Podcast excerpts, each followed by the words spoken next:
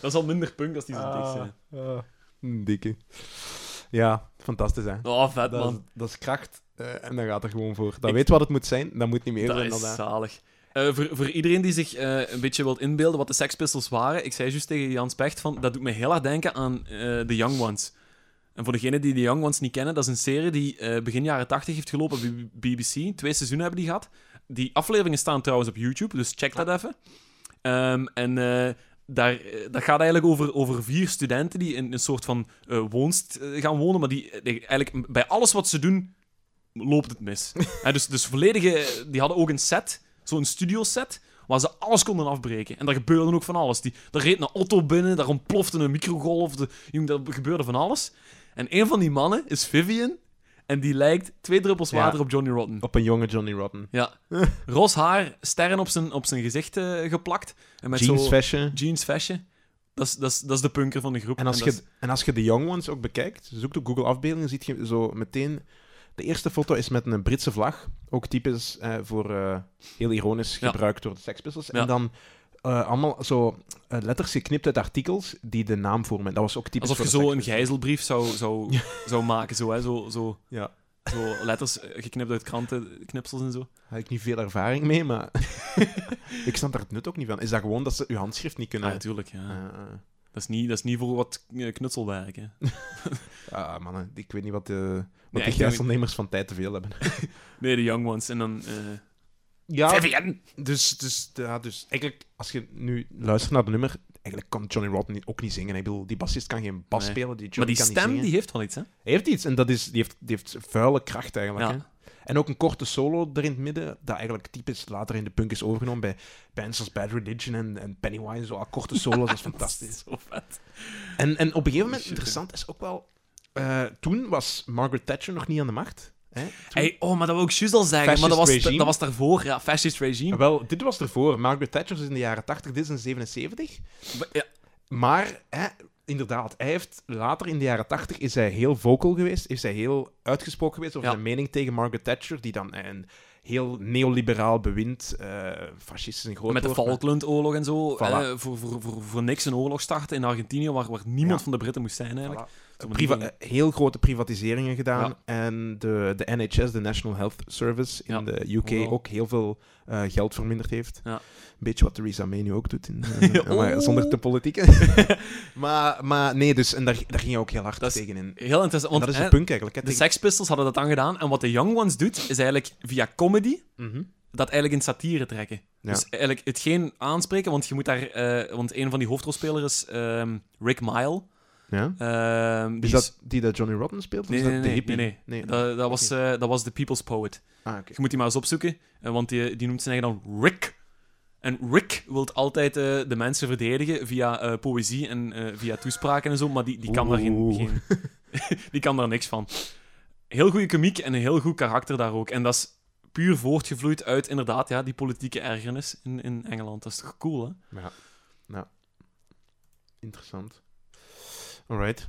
Goed. Dat was, eh, dat was een beetje mijn toevoeging over de seks. Je hebt, je hebt heel schoon nummertjes gepakt, vind ik. Dank u. Weer een heel Jij mooie... ook. Ja, ik heb eh, een, eh, een prachtig label in de etalage. je hebt wel duidelijk een, een, een rode draad. Ja, ik heb het expres gedaan nu, ja. Dat ik nu deze keer niet heb gedaan. Nee, maar ik heb het expres. Ik wou dus doen, eens kijken of dat ook ging. En dat ging ook, denk ik. ja. En, en is het volgende nummer ook eh Motown? Het volgende nummer is niet Motown, maar dat gaat eigenlijk eh, de Ah. Cirkel een beetje rondmaken. oh, nee. Dat is niet waar. Waar. Nee, Nee, nee, nee, nee. hij vindt het fijn. Ja. Ja. Ja. ik, Nee. ik had eigenlijk gedacht dat je toen juist over die 11-jarige bezig wa- was. eh, Pickett, Wilson Pickett. Nee, het is Nee. Stevie Wonder. Ah, Stevie, ja, juist Stevie Wonder. Toen Ja. je daarover bezig was, toen dacht ik eigenlijk dat je over ging gaan naar eh, Michael Jackson. Om- omdat, Eh, omdat hij allee, ook als jong manneken is begonnen. Dat wel. En de Jackson Ook in 5 hebben ook op Motown gestaan. Ja, Voilà. ja, ja dat is wel waar. Die Maar zijn erop bon. begonnen. Daar Ehm, gezegd zijnde. maar daar niet. Nee, Michael Jackson staat er misschien al in, een tijdloze. Denk ik. Ja, maar nee. Nee, ook niet. Mm, Ik denk het niet. Hmm. Maar daarover later meer. Daar kunnen we misschien inderdaad nog iets aan doen. Ja. Goed, dan gaan we in onze memo-box droppen. Ehm, de laatste artiest die ik wil aanhalen is eh, Otis Redding. Oké. Ja, en Otis Redding is een ehm, talent dat al veel te vroeg gestorven is. Ehm, die is even oud als, of ja, geboren in hetzelfde jaar als Wilson Pickett, dus ook een 41. Maar is op, en nu moet ik goed tellen, op 26-jarige leeftijd al gestorven in 67. Otis Redding. Ja, Otis Redding. Oh, dat ja. wist ik niet. Ik ken, ik ken zijn naam wel. Ehm, Ik ken zijn naam wel. De naam is redelijk bekend omdat hij eh, een echt wel zo'n een soort van ehm, Jeff Buckley talent was. Dus een ontluikend, een ontluikend talent. Zijn piek moest nog komen, net Mhm. gelijk bij Jeff Buckley. eh, maar is helaas in een vliegtuigcrash omgekomen. Ehm, en dat kan allemaal nu wel gezegd zijn achteraf, maar James Brown zei dat hij. ehm, Die wil- mens komt toch overal ja, voor, hè? inderdaad. Nee, James Brown eh, zei van zijn eigen dat hij Otis Redding eh, een paar dagen eerder eh, had gewaarschuwd om niet op dat vliegtuig te gaan, omdat het weer voorspeld werd dat het weer heel slecht Ja. ging zijn. Maar oké, dat is allemaal achteraf. Maar wie was Otis Redding? Otis Redding was eigenlijk een... Ja, een, eh, een, een, een zinger, songwriter was hij. eh, produceerde ook. ehm, was eigenlijk een, een, een, een, een creatieve duizendpoot. Deed van alles wat. Maar vooral in de rhythm and woord. blues. Ik haat dat woord met, vanuit de grond van mijn hart. Sorry, echt? Wat, hè? Creatieve duizendpoot. Serieus? Oh, ik vind dat zo heerlijk. dat is zo cliché. Wie ben ik? Hm. Jan Specht is een creatieve duizendpoot. Oh, fuck off. Sorry, ik heb de flow helemaal onderbroken. Flow is helemaal weg nu. Wat is dit? Maar dus... Maar je een sekspistol, jij, hoor. Je begint Johnny Rotten niet al te Ah, krijgen. ja, fuck off. Oh, fuck off, man. Never mind the bollocks, man. Ja. Sorry. Allee, dus hij is een creatieve... We, gaan weer, we gaan weer energieniveau dalen. Ja. Otis Redding. Ja. Otis Redding is een zwoele stem Mhm. ehm, in de soul-muziek. Dus niet echt Motown. Mm. Ehm, maar in zijn genre, in de soul, is hij wel een heel grote naam, ondanks zijn eh, vroege sterfdatum. Nu, wat ging Otis Redding heel vaak doen? Die ging ehm, heel vaak naar eh, ja, inspiratievolle plaatsen. Dus hij ging daar bijvoorbeeld naar, eh, naar San Francisco, waar hij een, een huisje had, waar hij een, een, een aan het huren was. En hij zat daar op de pier. En hij keek naar de boten die binnenkwamen.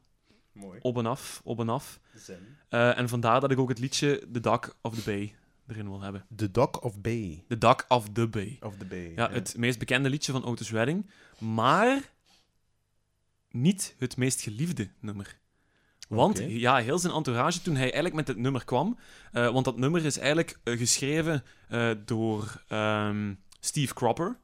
Hè, dus degene die ook eh, Midnight Hour, in de Midnight Hour van Wilson Pickett heeft geschreven. Die Ski- Steve Cropper, die, ehm, ja, allee, dat was een grote naam in die scene. En die hielp ook bijvoorbeeld Otis Redding. Was er ook een goede kameraad van. En Otis Redding schreef nooit over zijn eigen. eh, maar Steve Cropper deed dat dan wel.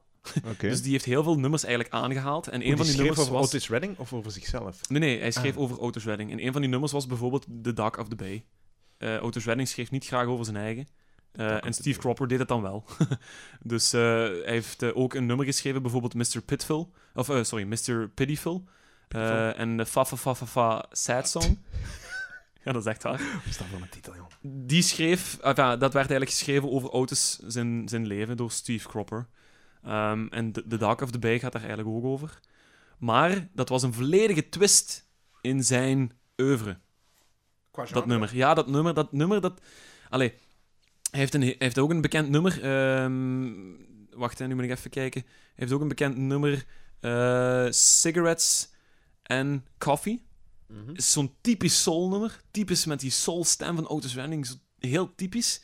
En Sitting of the Dock of Bay was het totaal niet. Want Otis wou eigenlijk een volledig andere tour op. Hij had het even genoeg van de, van de soul-scene.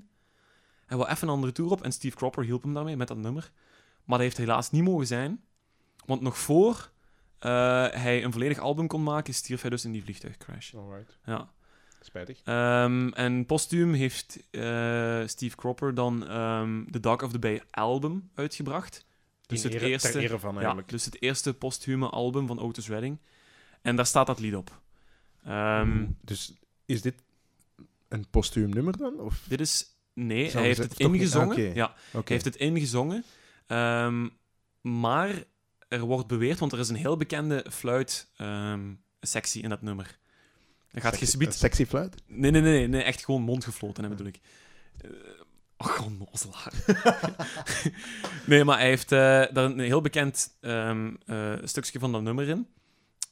En het was eigenlijk de bedoeling dat hij in plaats van dat fluiten, dat hij een soort van, ja, een soort van lyric ging spuwen. Geen rap, Mhm. maar een soort van poëtische lyric. Ja. Maar toen hij aan het opnemen was, was hij het vergeten. Otis was het vergeten. Dus hij, hij wist niet, niks anders dan gewoon fluiten op de melodie. en dat stukje heeft ervoor gezorgd dat dat nummer zo herkenbaar is geworden, dat dat nu een van zijn grootste hits is. Ja. En eigenlijk had Otis volgens mij dit gewild ook. Dat hij herinnerd werd aan dit nummer, want dit was waarschijnlijk het eerste in een volledig nieuwe eh, genre die hij ging inslaan. Dat dit eigenlijk zijn baby is. Dat dit eigenlijk Ja. zijn baby is. En ik wil heel graag luisteren, want ik denk dat we wel eh, aan Otis verplicht zijn om dit nummer in onze tijdloze te zetten. Alright. Klinkt goed. We gaan Zetten we het op? Ja. Perfect.